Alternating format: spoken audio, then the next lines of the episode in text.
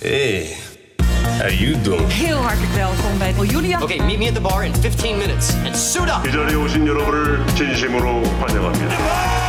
Listen to what Mr. Shelby has to say. We zijn er weer, Content Wars, je favoriete podcast over de wereld achter de content. Mijn naam is Jelle Maasbach en nog steeds tegenover mij mijn steun en toeverlaat Kirstian van Nieuwenhuizen, formatontwikkelaar. En natuurlijk de man achter pareltjes als That's the Question, tv-makelaar, Singletown en nog heel veel meer moois. En dan is gelijk mijn eerste vraag, ben jij een beetje een gamer? Nou, ik moet je zeggen, ik ben natuurlijk een beetje oude lul. Dus ik, eh, het is allemaal net na mij gekomen. Toen ik jong was, was het Commodore 64. Zeggen jullie niks waarschijnlijk. Daar had je een paar spelletjes op.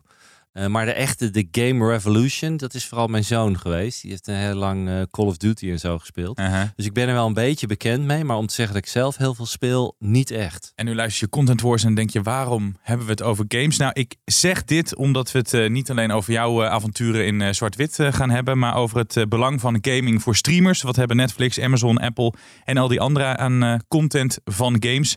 En we gaan erover praten met iemand die alles weet van games en over streamers en over tech. Hij is presentator, podcastmaker. Hij is de host van All in the Game en presentator van BNR Digitaal. Joe van Buurik. Dankjewel. Goed dat je bent. Wat een leuke introductie. Ja, mooi hè? Het is allemaal waar geloof ik.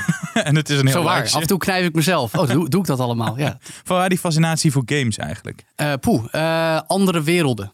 Uh, en me kunnen uiten als een ander personage. Superheld eigenlijk vaak. Dat, dat heb ik voor mezelf een paar jaar geleden ook een beetje zelfpsychologie gededuceerd. Ik vind het gewoon mooi om in een andere wereld te zijn. Iemand anders te spelen. De held uithangen met het zwaard. Of juist ook met vrienden online vaak. Of op de bank samen gezellig. Of rollenspel met je verloofde. Oh ja, zeker. Ja, we spelen samen games. Ook, ook analoge games trouwens. Dungeons and Dragons. Vind ik ook heel leuk. Is dankzij Stranger Things weer helemaal in zwang geraakt. Ja. Dus nee, eigenlijk alles met spellen. Vooral videogames. Omdat het uh, ook, het is, en het zit altijd op het snijvlak van de innovatie. Dus heel veel dingen. Als je kijkt naar gewoon uh, uh, grafische producties. Zag je eerder bij games opkomen dan bij films. Virtual reality. Games katalysator geweest. Met AI ga je dat ook zien. Dus voor heel veel technologische innovaties, online trouwens ook, zijn, zijn games de katalysator om het in één keer naar de consument te brengen. Dat vind ik interessant. Games, games en porno. Ook, zeker. Entertainment. Ja, ja, ja, ik zie jou lachen, Jelle. ja. Porno. Helemaal ook, waar. Porno is ook een voorloper. Die heeft Video, internet, ja. virtual reality. Absoluut, ja. Ik wilde vragen, wat is dan het spel? Maar wat is dan de pornofilm van dit moment? Kirsten van Nieuwhuis, want daar zit jij dus goed in. Jongen, jongen, nou, dat, dat weet ik dan weer net niet. Maar het hele virtual verhaal is natuurlijk... zit iedereen te wachten wanneer gaat dat zich op porno uh, gooien. Want dat, daar gaat natuurlijk een enorme wereld over. Als je virtual porno... en dan zal Joe waarschijnlijk al ongetwijfeld weten dat dat kan. Ik weet het niet uit eigen ervaring... maar ik weet wel dat virtual reality bij uitstek in porno... inderdaad een, ja. uh, een belangrijke... Uitlaatklep, laat ik zo zeggen, vind. Straks gaan we het hebben over welke streamer uh, het best games inzet. Eerst onze nieuwe rubriek. Dat kan veel beter. Waarbij jij, Kirsten Jan van Nieuwenhuizen, je pakt even je speaker erbij, ja. wekelijks bespreekt welk format veel beter kan. Ja, nou, ik, ik inderdaad, ik, ik kreeg af en toe van waarom ben je, ben je zo lief geworden? Waarom heb je het nooit meer over formats uh, die, die helemaal uh, shit zijn? Um, waarom sta, sta je zo weinig op mediacouranten, hoorden we ook uh, recently. Ja. Dus we gaan weer wat, wat kritischer worden op formats waarvan wij denken van dat, dat moet echt wel beter kunnen. Um, althans, um, ik probeer denk ik bij sommige formats uit te leggen waarom het niet werkt. En in dit geval dan ook proberen om aan te geven wat misschien beter kan. En dat gaan we nu doen met een format, helaas van onze grote vrienden bij SBS. Oh, nee. En die zullen er nog waarschijnlijk meer volgen. Ja. Om, mede ook omdat die veel, met veel nieuwe formats Ja, komen. Hè? ja. Dat hebben we Dus de kans is groter dat ze erin zitten. Ja. Vorige week ook gezegd. Het is echt compliment dat zij steeds met nieuwe dingen komen. Eh, en voor ons weer leuk dat heel veel van die dingen gewoon niet zo goed zijn. Eh, waar gaan we als eerste mee beginnen? Dat is de wereldhit tot nu toe, eh, Not Ministars. Ik weet niet of jij er iets van gezien hebt. ja, dat is eh, het nieuwe kijkcijferflop van Wendy, hè? van Wendy Ja. en Brit. Ehm, ja, nou, ik heb er ook naar zitten kijken en ik vond het lastig om heel lang te kijken, want ik, Ja, ik ook. het was gewoon het, het grootste probleem bij dit format is, is dat het helemaal kapot geproduceerd is. En met kapot geproduceerd bedoel ik dat het het is zo uitgeschreven en weinig spontaan. Het is alles is gerepeteerd en alles is door en die kinderen zijn niet meer spontaan en je, dat voel je aan alles. Ehm, dat vond ik al een van de problemen die erin zit. Dat ik denk, je voelt niet die echte emotie. Ehm, en het tweede probleem is, en dan ga ik even terug naar The Voice, vind ik persoonlijk de allerbeste talentenjacht eh, format ter wereld. En dat komt omdat de auditie bij The Voice is binnen twee minuten gebeurt er gewoon heel veel. En heb je heel veel spanningsbogen. Dus je zit elke keer weer te kijken wat gebeurt er next. Dus het begint met die, die, die zanger komt op. Je bent benieuwd hoe gaat hij zingen. Die is dan bijna altijd goed. Dan vraag je af wie gaat er omdraaien. Hè, druk er één, druk er twee, druk er drie. Hoe reageert de familie? Dat is allemaal in twee minuten. Nou, als er één omgedraaid is, draait twee en drie ook nog om. Dat is weer een spanningsboogje. Dan ook weer hoe reageert de familie achter de schermen. Dan als ze klaar zijn met zingen, hebben we nog het spanningsboogje voor wie gaat ze kiezen. En dat doen we allemaal in anderhalf, twee minuten. Nou, dat maakt die auditie zo sterk dat je dus niet alleen maar zit te luisteren en iemand goed kan zingen, maar je zit op al die elementjes te wachten eigenlijk. Nou. Dat heeft een kijker niet echt door, maar dat zie ik als formatmaker waarom dat zo sterk is.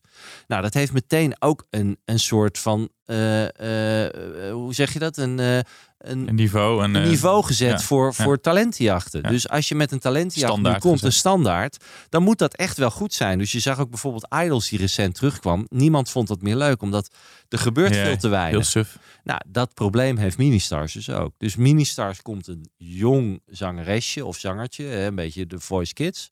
En die gaat dan, het, het enige principe is eigenlijk dat ze zingen met iemand die beroemd is. En dat is een videoclip. Nou, een van de problemen daarvan is geen emotie. Want ik zie een videoclip achter een meisje die staat te zingen en ik zie daar Adele zingen. Eh, het tweede probleem is, kom daar nog maar eens overheen. hè. Zing maar eens net zo goed als Adele. Want het zijn allemaal hele grote sterren. Nou, die kinderen kunnen supergoed zingen. Maar ja, eh Billie Eilish, Adele, I Ja, ga daar maar even Ga daar maar eens even aan staan. Nou, en er zit dus heel weinig spanningsbogen in die. Je ziet eigenlijk alleen maar een kind die zingt en dan denk je, ja, ze kan goed zingen. En ik zit naar die videoclip kijken en that's it. Nou ja, wat zijn dus de punten hier? Ik denk dat dat de reden is waarom het niet werkt. Het is eh, dus kapot geproduceerd. Er zit weinig emotie, zit weinig spanningsbogen in. Al die elementen. Misschien ook wel een beetje te kinderachtig allemaal. Het is, de kinderen worden heel erg kinderachtig benaderd. En ik denk van, doe eens gewoon normaal, weet je.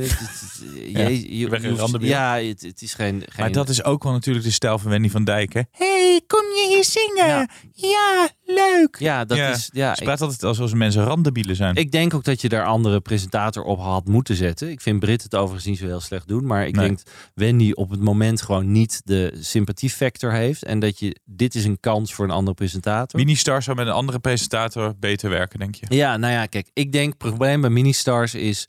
Het format klopt niet helemaal. Er is te weinig spanningsbogen. Daar moeten ze iets aan gaan eh, verzinnen. Ik had het denk ik sterker gevonden als de celebrities daar live waren geweest. Waardoor je echt samen met ze zingt. Even Billie Eilish of Adele even inzetten. Nou ja, dat is dus het lastige bij zo'n format. Dan wordt het waarschijnlijk Nederlandse sterren. Eh, of af en toe iemand, een buitenlander, die ze in kunnen vliegen. Ik snap dat dat lastiger is, Ja. maar dan komt er in ieder geval veel meer emotie. Ja, eens. Ehm, eh, en dan, als, als je dat zou veranderen, zou dat misschien helpen. En met welke presentator zou dat dan eh, beter kunnen? Gordon, want die heeft het, eh, daar, daar wil iedereen naar kijken tegenwoordig. ik zie jou verschrikt kijken. Wat zegt Je hij hem- nou? Je hebt, je hebt hem en Kooklens heb je helemaal kapot gemaakt. Dus die Nee, niet ja, verwacht. goed. Nou ja, kijk, ik denk dat... eh, ik, ik weet niet zo goed bij SBS wie, maar ik, ik vind zo'n... Hoe heet die Jan van Lingo? Die, die- Jan Versteeg. Jan Versteeg vind ik al le- veel leuker dan Wendy bijvoorbeeld. Nou, ja, dat dus. Dus Ministars als eerste dat ik denk, het had veel beter Ja, gekund. dat kan veel beter. Ja. Dankjewel. Nou, terug naar games, eh, Joe. Mhm. Eh, er zijn een aantal streamers die, die, die gamemakers hebben gekocht. Of die zelf met games komen. Wij hebben het over Netflix gehad. Mhm. Eh, om te beginnen bij begin. Vind je het een slimme zet dat streamers steeds meer inzetten op games? Ja, eh, als in persoonlijk vind ik het interessant en, en, leuk. Maar ik denk ook dat het bij uitstek gedaan wordt om sowieso een jongere doelgroep te bereiken. Wat Kirsten Jan zegt, in principe. Het cliché is wel een beetje waar dat het toch vooral de jongere doelgroep, en dan noem ik mezelf ook nog jong met 34, dus tot aan ongeveer de 40 bij uitstek, eh, eh, zo van meet af aan met games zijn bezig geweest dat het een wezenlijk onderdeel van hun, eh, hun, hun, hun plezier en ook identiteit is. Dat is ook waarom je ziet, daar gaan we zo meteen dieper op in, wat voor series en films Netflix nu allemaal rond games aan het maken is. Ehm, maar ook dat het meer interactie teweeg brengt. Weet je, je ziet ook de andere kant op, dat van Stranger Things, we noemden hem al, een game is. Het is geen hele goede game, Maar dat is gewoon een stukje franchise en IP gebruiken. Niet alleen kijken, maar ook doen. Weet je, dat, dat zien we ook al decennia. Maar het is heel logisch dat Netflix naast alleen kijken je ook wil laten spelen. Om je meer bezig te laten zijn met hun producten. Zo simpel is het eigenlijk. Ja. En dan hoef je niet eens per se jong geest te zijn. Als jij die IP heel leuk vindt, dan ga je misschien op die manier ook wel gamen. En dan is het een zichzelf versterkend effect. Het is een beetje een open deur, maar daar gaat heel veel geld in om, toch?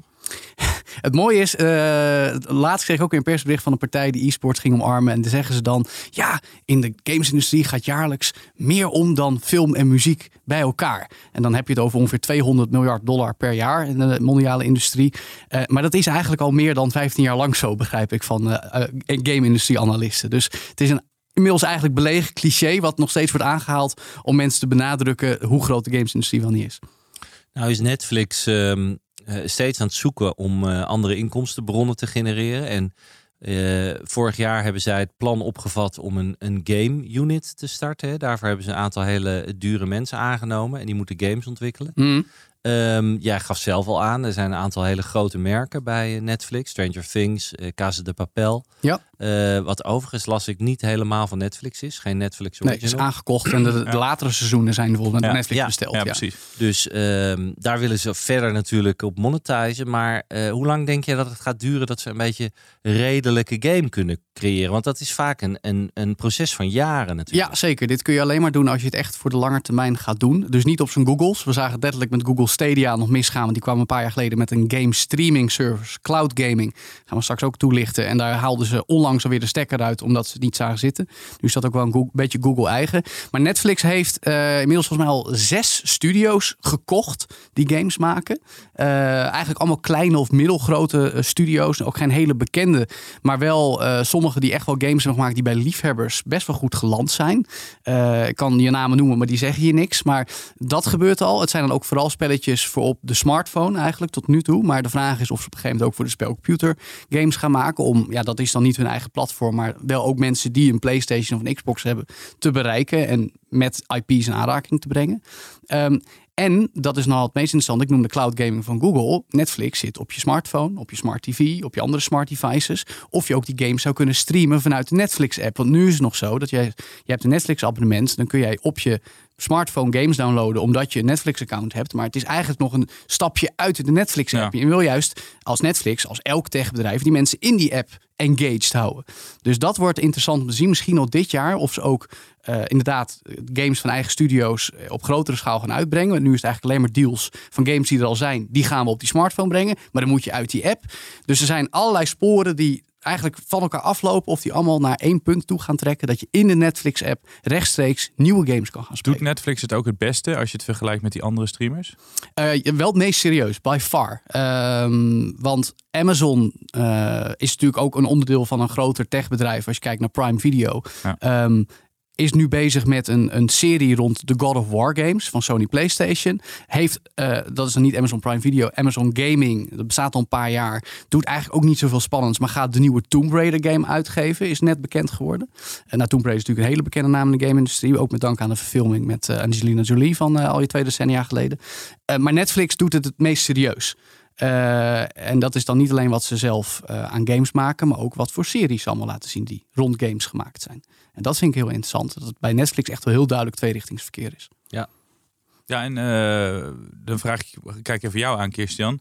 Dit zijn eh, games die streamers brengen, maar ga je dan op een gegeven moment ook krijgen dat je van games series gaat maken? Dus je, dat je op basis van personages uit bekende games een Ja. serie of een film gaat maken? Ja, dat, dat gebeurt al. Gebeurt een al. van de laatste eh, premières bij HBO is The Last of Us. Ja, die komt wel- net beschikbaar 15 januari. Ja, waar veel van verwacht wordt. Eh schijnt ook echt wel een hele mooie serie te zijn. De reviews zijn net uit. Terwijl we dit opnemen vandaag, overweldigend positief over het algemeen. Kijk, Ja. want dat is wel een beetje het lastige. De, de meeste series die echt gebaseerd zijn op een game, worden vaak niet heel hoog gewaardeerd. Ehm, die de, de series zijn vaak qua kwaliteit, zeker qua verhaallijn, niet de beste series.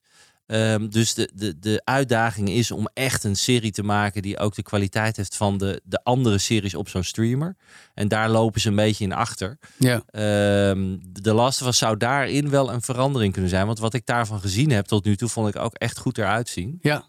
Ja, ik, ik wil het een beetje bestrijden, want ik denk dat je wel het onderscheid hebt tussen speelseries en animatieseries. Ja. Ehm, er zijn, eh, de grap is, als je zegt inderdaad eh, over het algemeen qua series niet hele goede voorbeelden. Ik heb al moeite om er één te bedenken. De enige uit de recente jaren die ik kan bedenken is The Witcher. Maar dat was eigenlijk een serie gebaseerd op de boeken. En van die boeken zijn eerst games gemaakt en vervolgens een serie. Maar feitelijk is die serie gebaseerd op de boeken, maar wel heel groot succes voor Netflix. Groot geweest. succes en zag er ook best goed uit. Ja. Dus daarin eh, heb je inderdaad mij eh, goed eh ik- Ah, sorry. weersproken. Nee, heb Nee, gelijk, ik, Joe. heb, ik heb wel bijvoorbeeld films. eh, ik was fan van het spel Hitman. Die Ja. film vond ik echt dramatisch. Met Timothy Olyphant. ja, en, Ja, en Angelina Jolie en Lara Croft was natuurlijk Tomb Raider was dan wel weer vet. Ja, maar was geen goede film. Nee, vond ik ook geen goede film. Was misschien leuk om naar Lara Croft te kijken. Ja. Maar eh, ehm, ja, het de ene keer is wel goed, de andere keer is niet goed. Nee, maar het punt is dat juist animatieseries die de afgelopen jaren verschenen zijn, wel succesvol zijn geweest. Arcane is gebaseerd op League of Legends op Netflix. Eh, is een, een game die door honderden miljoenen jongeren gespeeld wordt. Eigenlijk, ik snap er zelfs niks van. Ik ben er relatief te oud voor,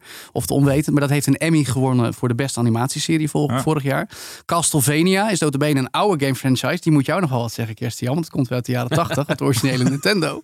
Eh, daar is ook een, eh, een, een, een vier seizoenen serie van geweest, waar ook nu een, een nieuw of een vervolg op komt. Die vond ik erg gaaf. Eh, en Cyberpunk Edge Runners. Cyberpunk is ook een game van dezelfde maker als de The Witcher games. Heeft een Japanse animatieserie op Netflix gekregen. Afgelopen september kwam die uit, ook behoorlijk succesvol.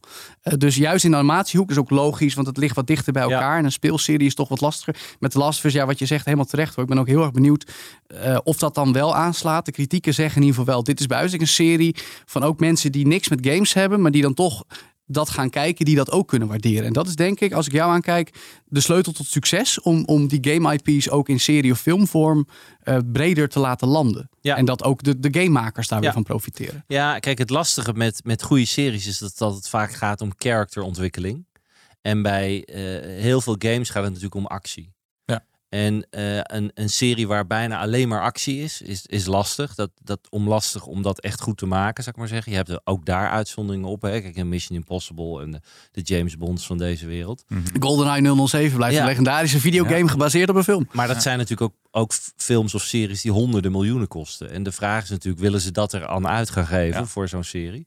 Maar goed, eh, ja, je ziet het steeds meer in elkaar overlopen. En er gaat zoveel geld in om in beide werelden, dat, dat het wel normaal is dat ze daar verder in gaan eh, experimenteren. En stel nou dat zo'n eh, maatschappij naar jou toe komt en zegt: eh, Wij willen een serie, ik zeg wat, over Candy Crush of Halo. Oeh, dat vind kan jij dan Halo bestaat al trouwens. Ja? Oh, Ja. Nou, ik ben wel blij dat we het, eh Ja, het Game hier hebben. Op, ik op Paramount Plus is in Oh, Nederland te zien via Sky Showtime. Maar Candy Crush vind ik In mijn interessant idee. defense, ik heb Paramount, eh, dat heb ik dan niet. Nee. Maar het, met, met een spel waar, hè, waar nog geen serie van is. En ze komen naar je toe. Ze zeggen, nou, het spel is mega populair. Honderden miljoenen mensen spelen het. Maar we willen een serie van maken. Zou je die uitdaging dan aan willen gaan? Zeker. Of is dat gewoon te lastig? Nee hoor, ik denk dat dat best wel kan. Kijk, Candy Crush, en er is een, al heel lang een Belgisch spelletje, een, een dagelijks spelletje. Ik, nee, mijn, ik dacht dat het blokken heet, maar het, ik, mijn, de titels zijn altijd slecht bij mij. Eh, waarin dat principetje is, dat je steeds iets weg moet halen en dat het dan maar naar beneden valt. En dat loopt al twintig jaar. Kijk, eh, het principe van spelletjes worden ook heel vaak eh, van, van fysieke spel, de fysieke games, gamespelletjes, eh, een beetje lastig om het helemaal te benoemen, wordt heel vaak natuurlijk een element daarvan gebruikt eh, in ook gameshows. Maar dit zagen we letterlijk een jaar geleden met eh, Wordle. Wat eigenlijk gewoon lingo was, zeiden we allemaal in Nederland. Ja, ja. En dat was natuurlijk eigenlijk hetzelfde spelprincipe. Ja. Ja. En je ziet die, die kruisbestuiving soms wel vaker over en weer. Wat ik dan interessant vind, waarom doet Netflix dat nog, nog niet nadrukkelijker? Nou ja, Netflix probeert natuurlijk de, een van de, de successen van Netflix van een gameshow was The Floor is Lava. Hmm. Wat natuurlijk ook ongetwijfeld, dat weet ik niet, maar er zullen ongetwijfeld dat, dat soort spelletjes ook wel zijn. Ehm, eh, Netflix heeft tot nu toe nog niet zo heel veel in gameshows gedaan. Dus daar zit misschien nog wel een opening. Ehm, wat daar precies de reden voor is, ik denk dat ze, dat ze het lastig vinden om dat genre echt in hun ehm, eh, als streamer te gaan brengen. Eh, echte regelrechte gameshows. Omdat er toch relatief eh, qua streamer, streamkijker gaat niet echt voor gameshows naar streamers toe. Maar dat kan natuurlijk veranderen als je een keer een hitshow hebt. Ik denk dat het ook wel een beetje eh, concurrentie van eh, Twitch is. Als platform waarop games gestreamd worden. Als in games die gespeeld worden door mensen. En soms ook wel andere activiteiten. Maar Twitch is van Amazon, first and foremost. Waarop mensen live streamen hoe zij een game spelen. En ik denk dat veel... En, en ik, ik kijk eigenlijk ook weinig op Twitch hoor. Ik heb voor tijd uit wel eens meegewerkt aan een livestream daarop. Of, of heel soms kijken er even kort op. Maar de gamers die willen kijken naar hoe een spel gespeeld wordt. En dat is dan toch vaak een videogame. En ook dat hun favoriete streamer dat doet. eh, die kijken op Twitch daarnaar. En die zullen misschien dat Netflix op een gegeven moment het op zijn heupen krijgt. En denkt van nou, we gaan daar de strijd mee aan. Hoewel Twitch het ook weer niet heel makkelijk heeft. Want ook daar moet natuurlijk geld verdiend worden. En, en, en kan het volgens mij nog niet altijd helemaal uit. Ehm, maar ja, dat is interessanter voor gamers om naar te kijken. Want dat Ja. is daadwerkelijk een game die, die op een vermakelijke manier door iemand gespeeld wordt. Terwijl een spelshow, dat, daar, daar gaat dan toch weer. Nou, dat is jouw expertise in principe, maar daar moet een, een slag omheen. Ja. En dan, dan staat het alweer te ver van de gamers af, denk ik. Dus dat is wel interessant. Nee, dat klopt. En ik denk ook inderdaad, dat e-sports is daar natuurlijk ook een voorbeeld van. Die is Mm. best groot binnen een bepaalde groep. Hè? Het, eh, het spelen van, van gaming, eh, waar gewoon hele grote publieken naar komen kijken. Ik zag Ja. onlangs een, een, een kampioenschap in Brazilië in een stadion. Nou, het leek net een voetbalwedstrijd. We werden Ja. helemaal gek en daar zaten een aantal jongens zaten gewoon een game te spelen. Overigens vind ik dat ook al wel zo'n cliché, wat in bijvoorbeeld Brazilië en Azië eh, zeker lukt. Maar in Europa zijn dan ook nogal partijen die dat soort tafereelen beloven. En eigenlijk past dat niet zo bij ons. Als in Zweden gebeurt het nog wel eens op Dreamhack. Dat is ook een groot e-sports evenement. Eh, maar eh, juist de afgelopen maanden zie je heel veel investeerders afhaken qua e-sports. Omdat die volle stadions toch niet helemaal bereikt worden. En mensen ook gezien de coronatijd zoiets hebben van, nou, ik kijk liever gewoon naar competitief gamen vanuit mijn eigen huis. En dan Ja. doe ik graag ook mee.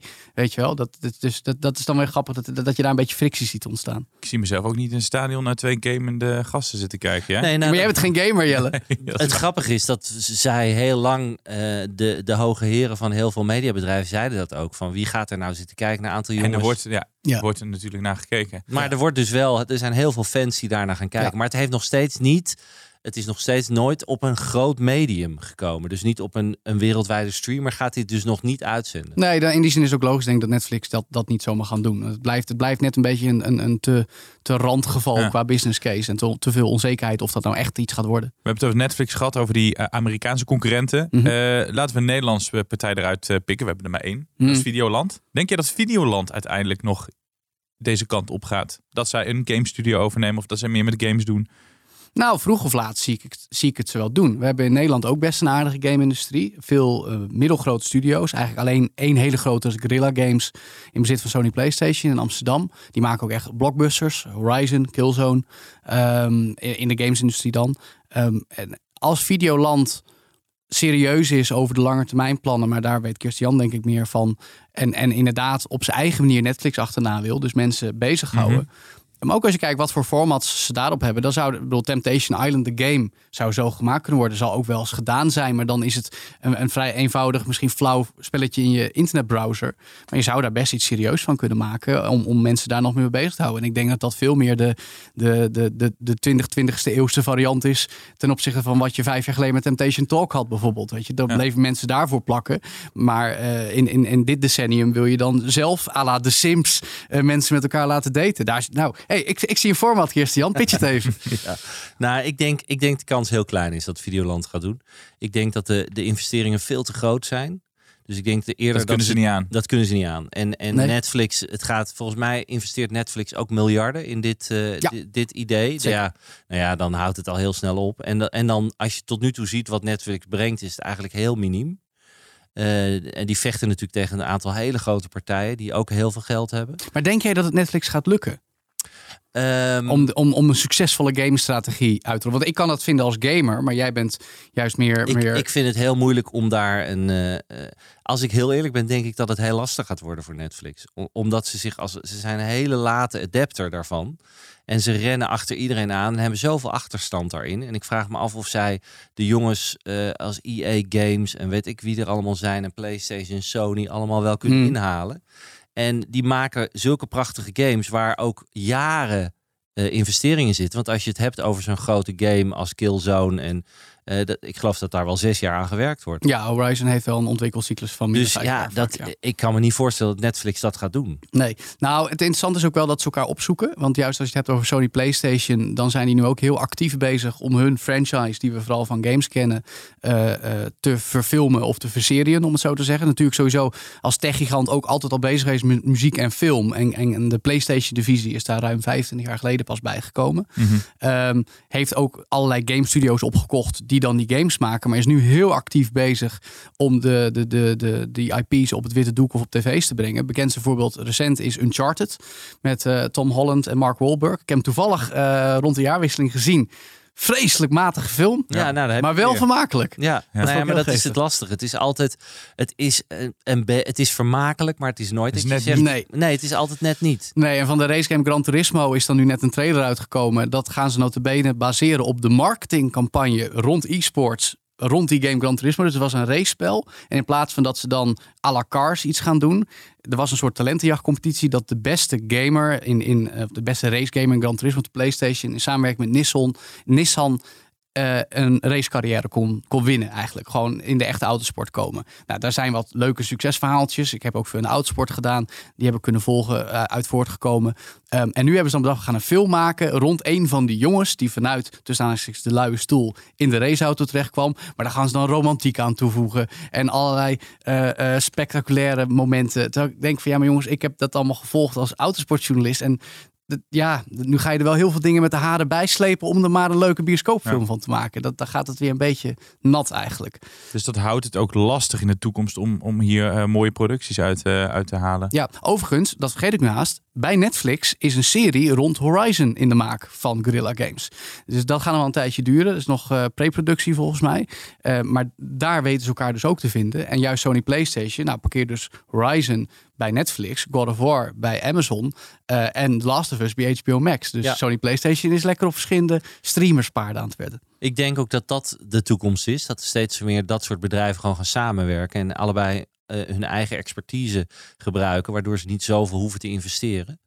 Ehm, en op die manier gewoon de, de taart samen verdelen. Want er is natuurlijk wel wat te, te verdelen. Als jij een hit hebt op een streamer waarbij je een groot deel van die fans, die gamefans, kan pakken. Ja, dan heb je het meteen over een heel groot kijkerspotentieel. Maar jij zei net in het begin, jij bent geen gamer, je hebt een gamende zoon. Heb je dan niet als je zo'n serie zoals The Witcher ziet, dat je denkt, goh, dat ziet er eigenlijk wel gaaf uit en dat ga ik aan mijn zoon aanbevelen, we gaan samen spelen.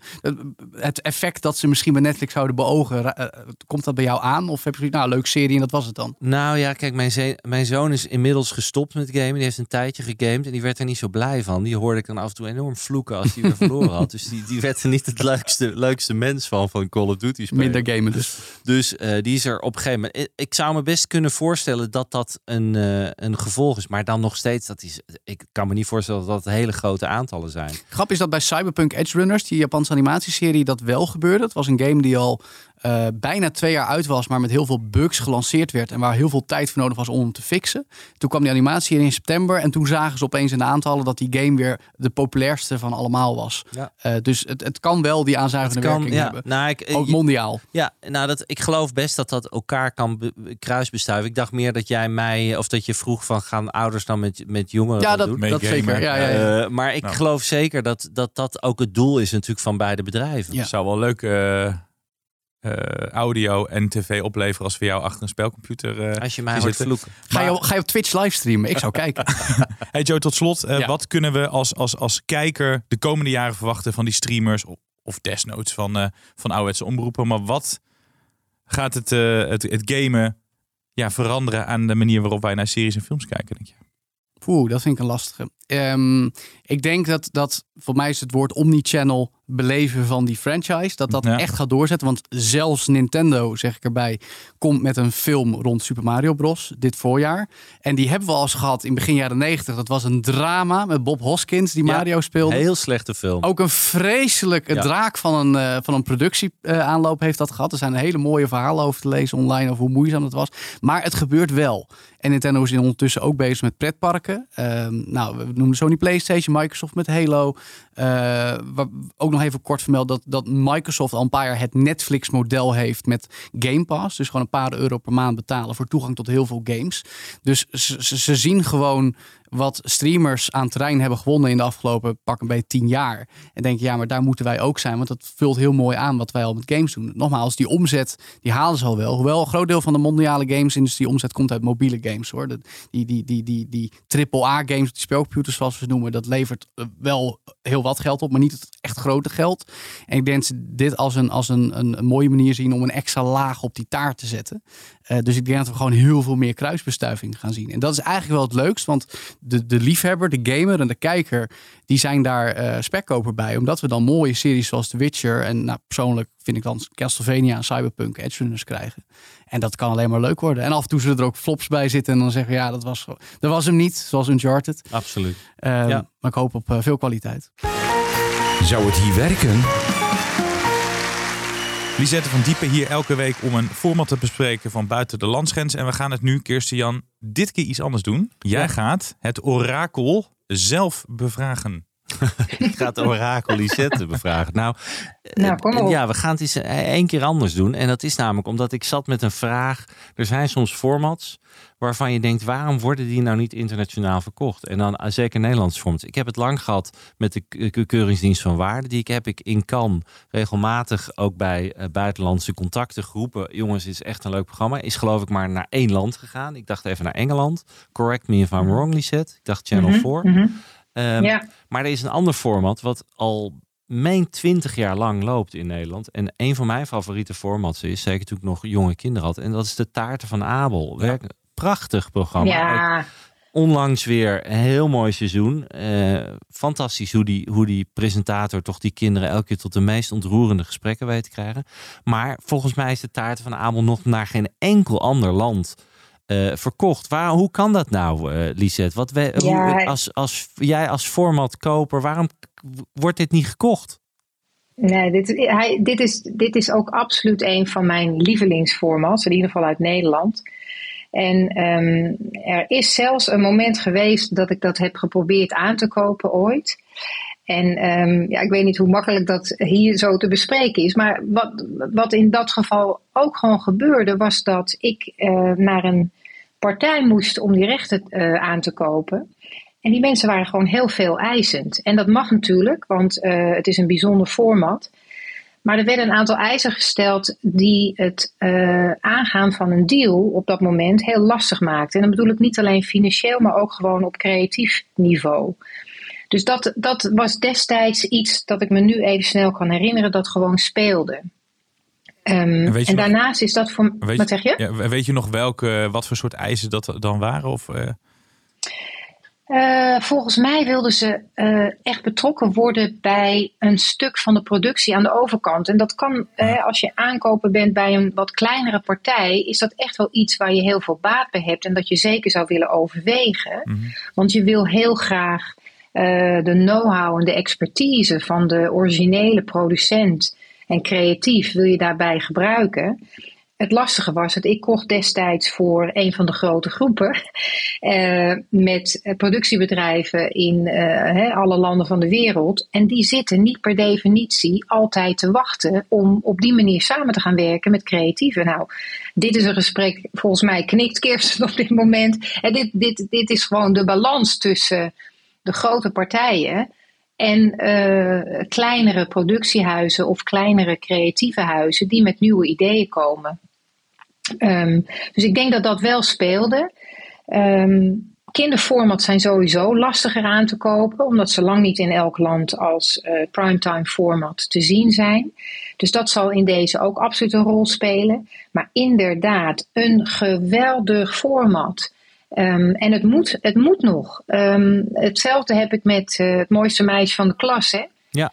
Ehm, en dat zit nu eh, in distributie bij Benejay.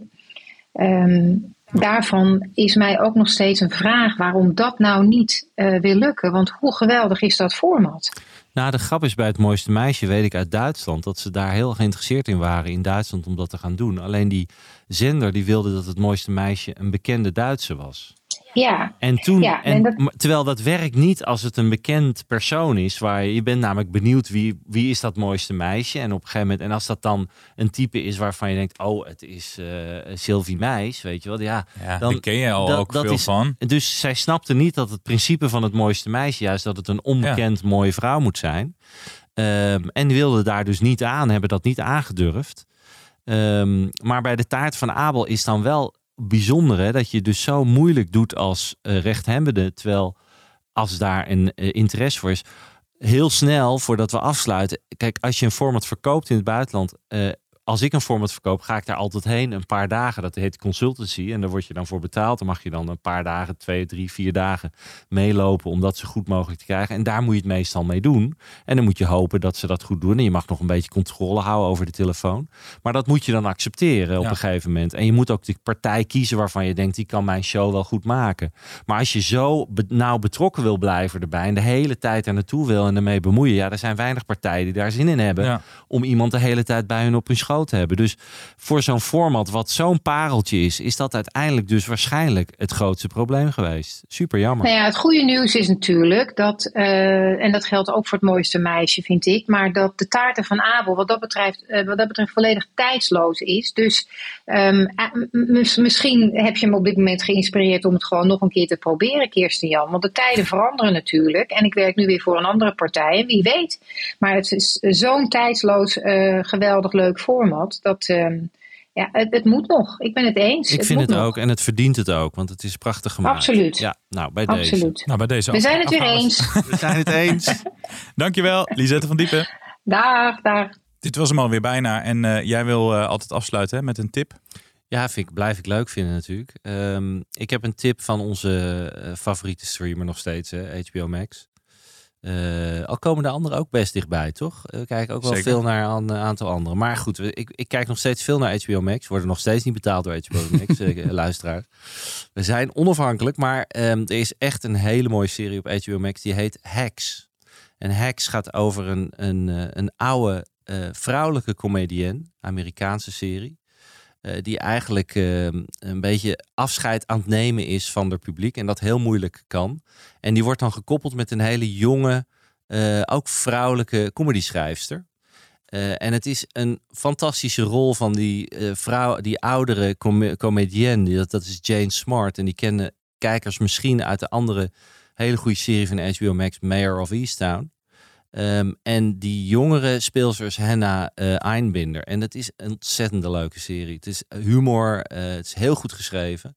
Het, het geeft je een kijkje achter die comedywereld. Hoe dat werkt in Vegas als ze daar staat. Want ze is nog steeds heel groot. Ze woont in een gigantisch huis. In haar eentje. En het is ook ontroerend. Het is een, een heel mooie serie. Drie seizoenen, althans twee seizoenen.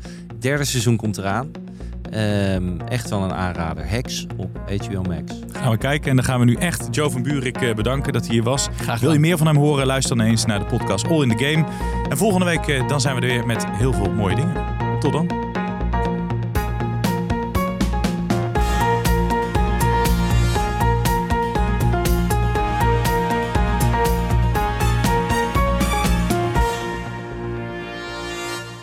Ben jij content met deze content? Vergeet je dan niet te abonneren op Content Wars.